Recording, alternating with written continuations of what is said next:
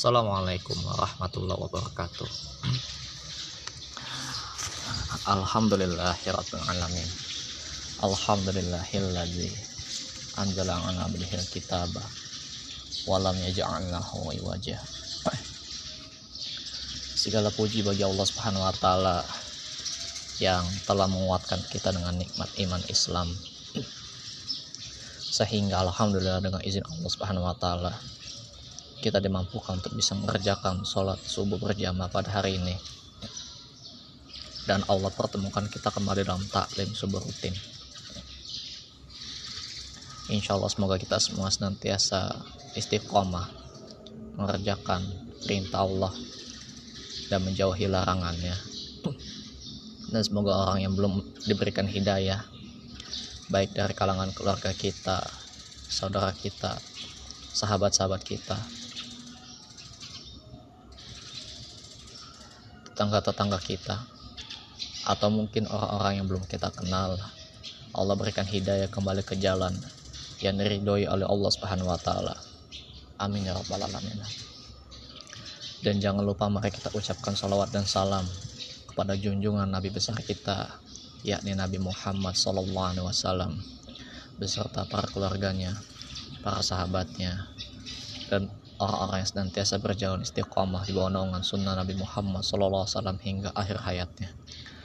Allahumma sholli ala Sayyidina Muhammad wa ala ahli Sayyidina Muhammad. Hadirin Allah muliakan, sudah beberapa hari ini kajian podcastnya sempat tidak hadir ya. Alhamdulillah hari ini kita akan bahas satu hadis terakhir. Dari sekian banyak hadis yang menjelaskan tentang sabar di kitab Riyadus Solihin mengingat keterbatasan waktu dan juga jadwal jadwal materi tentang di bulan Ramadan nanti adalah bab tawakal sebagaimana yang sudah ditunggu-tunggu dari satu bulan yang lalu. Dan insya Allah setelah hari ini kita akan break selama beberapa hari sampai hari sub di waktu subuh malam pertama Ramadan. Jadi malam pertama Ramadan insya Allah akan dimulai lagi kajian podcast subuh ini Riyadus Solihin ini dan babnya adalah bab tawakal. Namun sebelum itu sebagai penutup kita akan sampaikan hadis dari Anas radhiyallahu anhu kalau kita perhatikan di kitab Riyadus Solihin ini banyak hadis yang diriwayatkan oleh Anas radhiyallahu anhu tentang sabar ya. Baik itu dari Sahih Muslim maupun Sahih Bukhari atau yang kalau digabungkan keduanya jadi mutafak alaih yakni kesepakatan para ulama.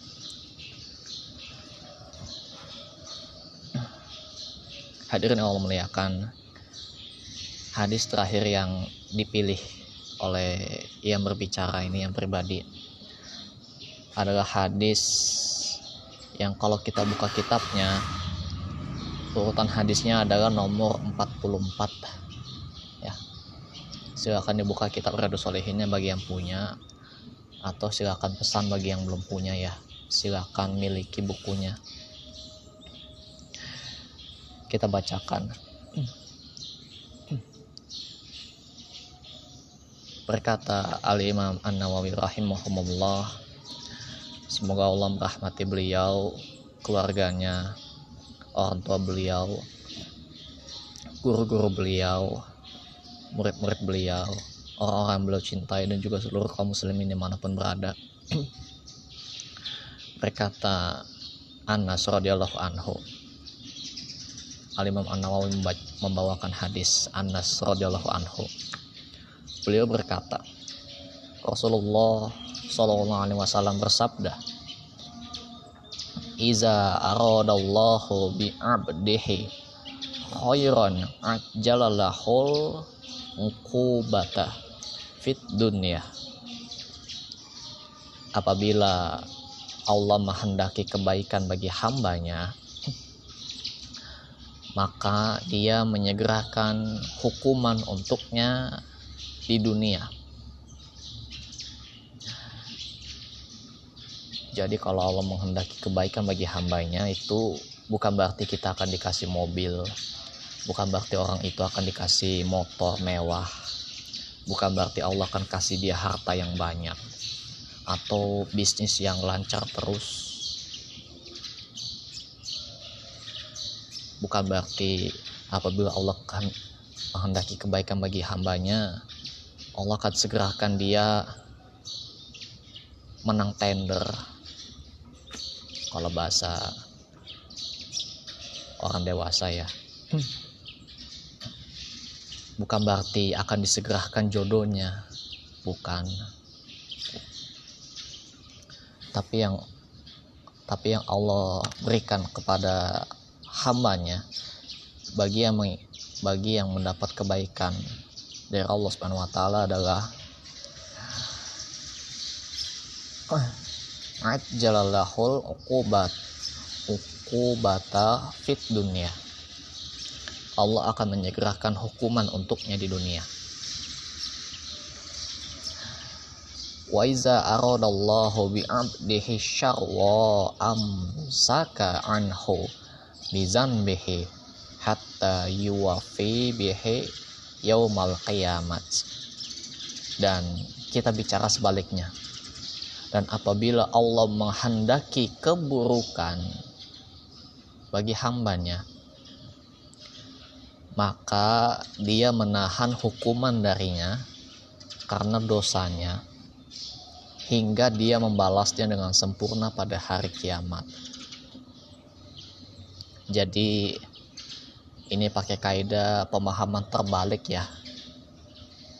Apabila Allah kehendaki keburukan bagi hambanya, sebagian ya tentu. Maka bukan berarti orang itu akan dikasih kebinasaan lebih awal. Walaupun bisa jadi gitu ya.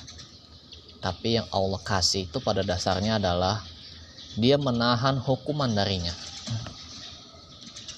Ada orang mencuri aman-aman saja, santai, bisa menikmati barang curian. Ada seorang laki-laki yang tanda kutip maaf kalau bahasa anak muda menakal. Lalu dia menzinahi seorang wanita sampai hamil. Lalu dia pergi meninggalkan wanita itu. Nggak tanggung jawab. Dia merasa aman-aman saja. Uang udah kabur kok gitu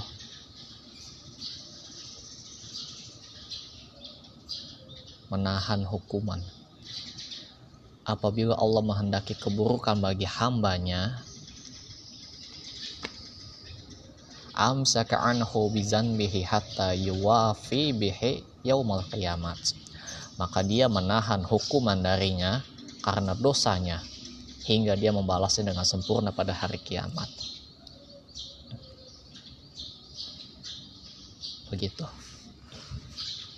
Dan dan Nabi SAW bersabda tentang hadis tadi inna izomal jaza ima'izomil bala.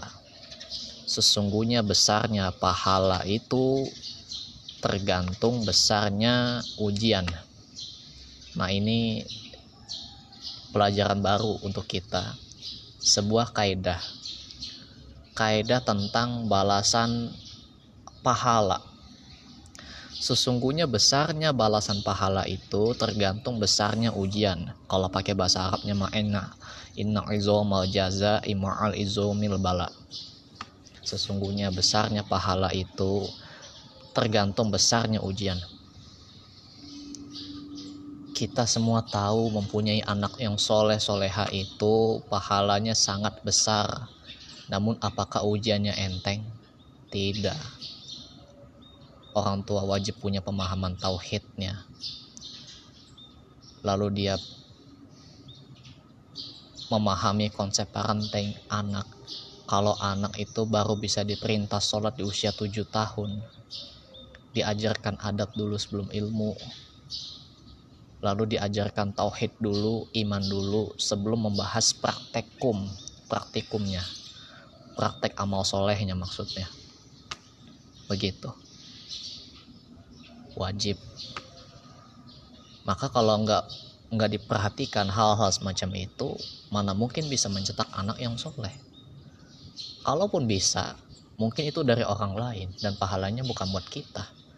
Paling pahala dari kita untuk anak itu maksudnya paling kita mendapat pahala karena kita menafkahi seorang anak itu aja. Tapi untuk masalah pendidikan belum tentu nah itu tadi. Inna izomal jasa jaza ima izomil bala. Sesungguhnya besarnya apa balasan pahala itu tergantung besarnya ujian. Semakin besar ujian yang Allah kasih maka tentu pahalanya akan semakin besar. Dan kemarin kita udah jelaskan sabar itu pahalanya tanpa batas. Dan ujiannya tentu sangat berat ya. Karena itu ujian fase tiap fase. Detik demi detik, jam demi jam, hari demi hari kita harus punya sifat sabar. Kita sudah jelaskan di surat Az-Zumar ayat 10 Allah berfirman ah innama yuwaffas sabiruna ajrahum bighairi hisab. Sesungguhnya yang dikasih pahala tanpa batas itu hanya orang yang bersabar kalau pakai pemahaman kaidah nahu ya seperti yang sudah dijelaskan di rekaman sebelumnya Nabi SAW melanjutkan setelah kaidah tadi dibahas wa inna Allah ta'ala iza ahabba qauman ibtalahum dan sesungguhnya bila Allah mencintai suatu kaum pasti dia menguji mereka. Faman rodiya falaho ridho. Barang siapa yang ridho, maka dia akan mendapatkan ridho Allah Subhanahu wa taala. Waman sakhito dan barang siapa yang murka falahu sukhto maka dia akan mendapatkan murka Allah Subhanahu wa taala. Jadi penjelasan sabda Nabi SAW kalau pakai terjemahan semua intinya begini dah sesungguhnya besarnya pahala itu tergantung besarnya ujian. Dan sesungguhnya bila Allah mencintai suatu kaum pasti dia menguji mereka. Allah akan uji. Allah akan uji orang yang yang mengklaim mencintai Allah. Benar nggak nih dia cinta sama Allah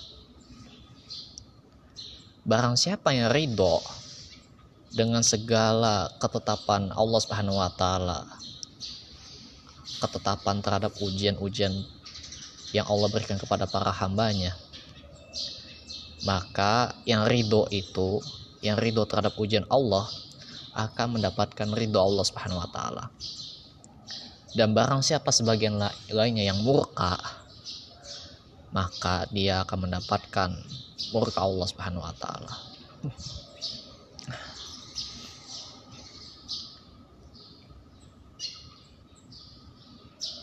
Hadirin Allah muliakan.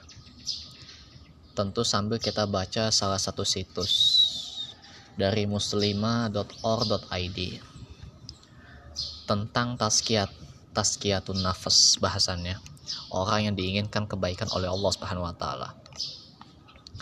Di antara manusia ada orang-orang yang Allah inginkan kebaikan padanya. Kita berharap mudah-mudahan kita termasuk orang-orang yang diinginkan oleh Allah untuk mendapatkan kebaikan tersebut. Tentunya kita tidak ingin kita termasuk orang yang Allah kehendaki keburukan ada pada diri kita tentu siapa yang mau ya tanpa kita tanya satu demi satu pun semua orang sepakat menginginkan kita ini termasuk orang yang baik di sisi Allah.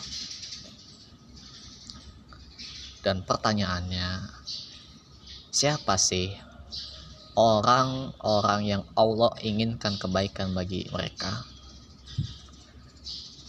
Ada banyak ciri dan insya Allah tidak bisa banyak ya.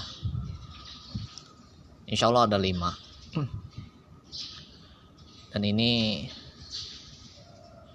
dijelaskan oleh Al Ustadz Abu Yahya Badrus Salam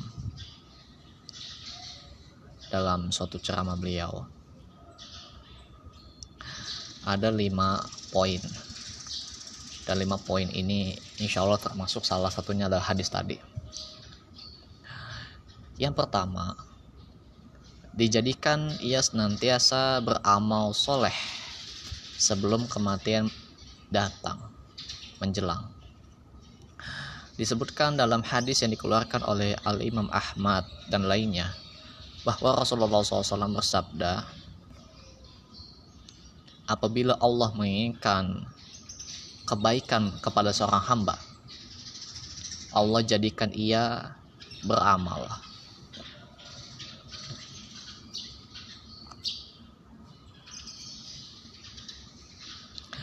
Lalu para sahabat bertanya, apa yang dimaksud dijadikan dia beramal? Gitu ya. Maka Rasulullah SAW bersabda, dibukakan untuknya amalan soleh sebelum meninggalnya sehingga orang-orang yang berada di sekitarnya ridho kepadanya gitu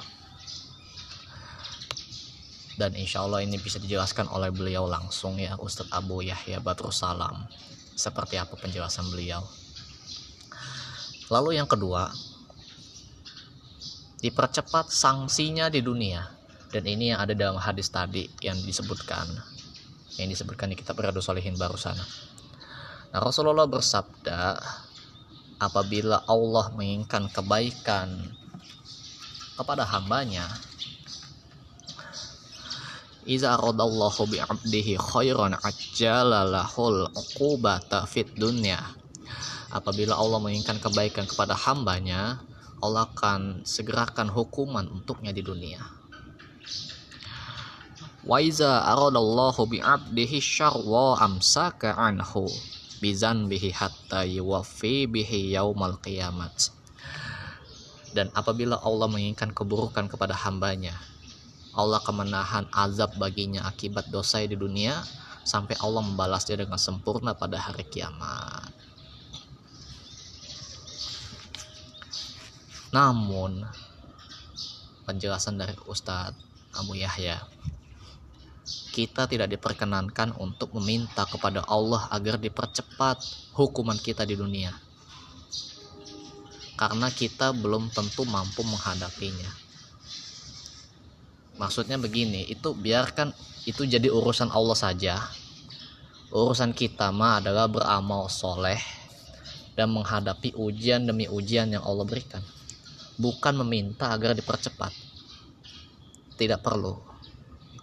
Kita hanya perlu fokus untuk bisa menghadapi setiap ujian, baik itu ujian kebaikan maupun keburukan yang Allah berikan kepada kita, agar kita bisa menghadapi ujian itu dengan hikmah pada tempatnya ya.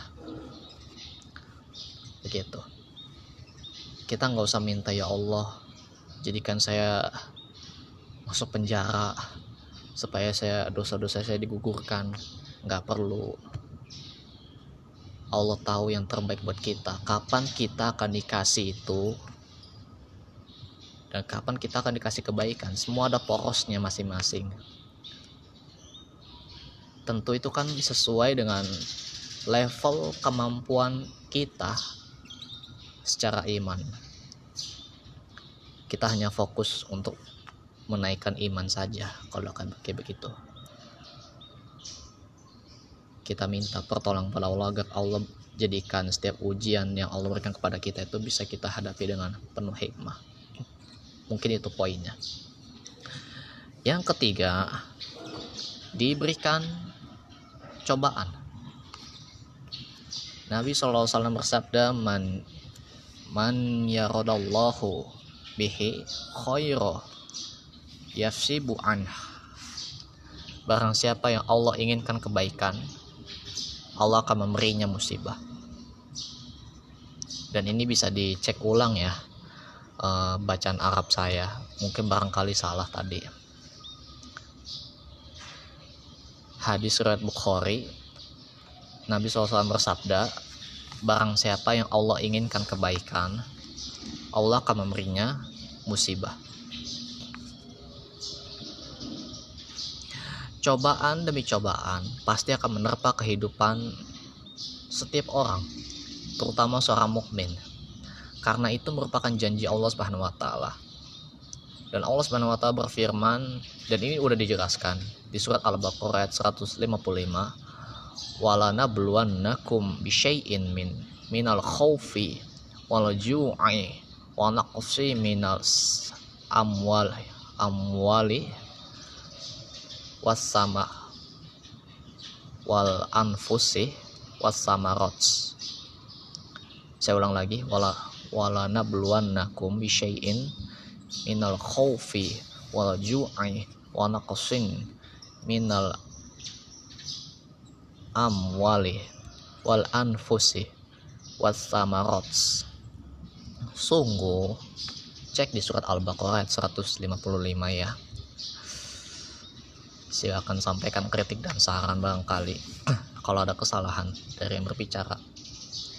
Sungguh kami akan menguji kalian dengan sedikit ketakutan kelaparan kekurangan harta jiwa dan buah-buahan dan berikan kabar gembira bagi orang-orang yang bersabar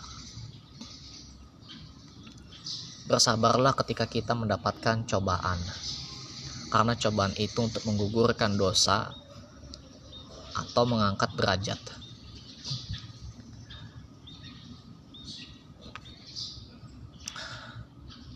Dari Abu Hurairah Rasulullah bersabda tentang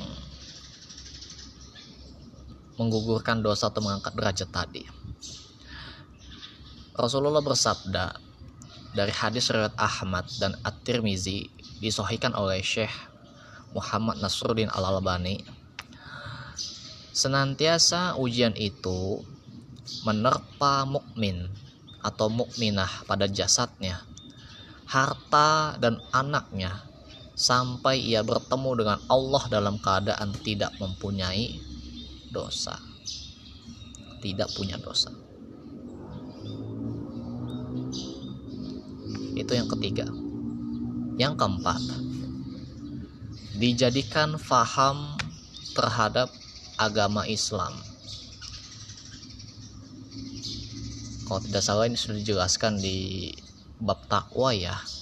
Rasulullah bersabda, barang siapa yang Allah inginkan kebaikan padanya, Allah akan fakihkan ia dalam masalah agama. hadis surat Bukhari dan Muslim. Kefakihan adalah pemahaman yang Allah berikan kepada seorang hamba. Pemahaman yang lurus tentang Al-Quran dan hadis didasari dengan kebeningan hati dan akidah yang sohih. Karena hati yang dipenuhi oleh hawa nafsu tidak akan dapat memahami Al-Quran dan hadis dengan benar. Begitu. Itu dibuat simpel ya oleh beliau Ustadz Abu Yaya dan yang terakhir sebagai penutup yang kelima diberikan kesabaran.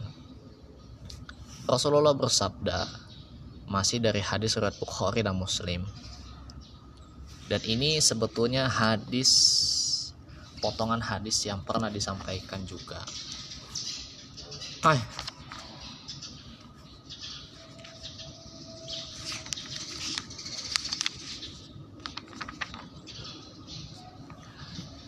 dari hadis Abu Sa'id Sa'id bin Malik bin Sinan Al-Khudri radhiyallahu anhu.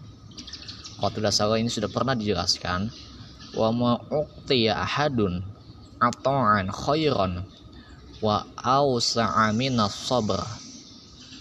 Tidaklah seseorang diberikan sesuatu yang lebih baik dan lebih luas dari kesabaran. Wa ma'uqtiya ahadun atoan atoan khairan wa ausa'a minas sabr. Tidaklah seseorang diberikan sesuatu yang lebih baik dan lebih luas dibanding kesabaran. Sabar. Begitu ya. Sabar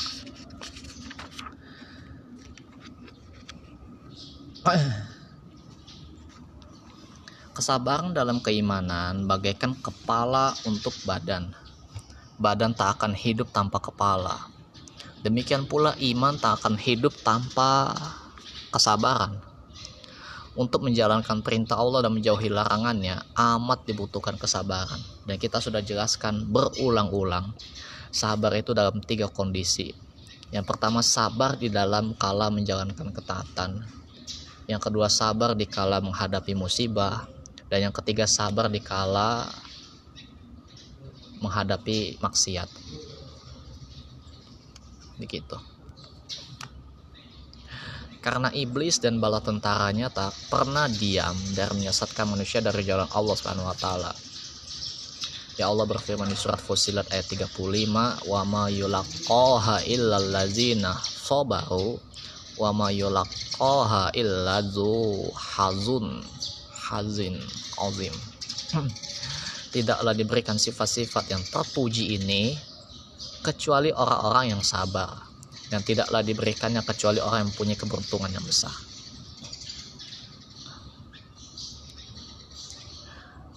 Mungkin itu yang bisa disampaikan pada kajian podcast hari ini.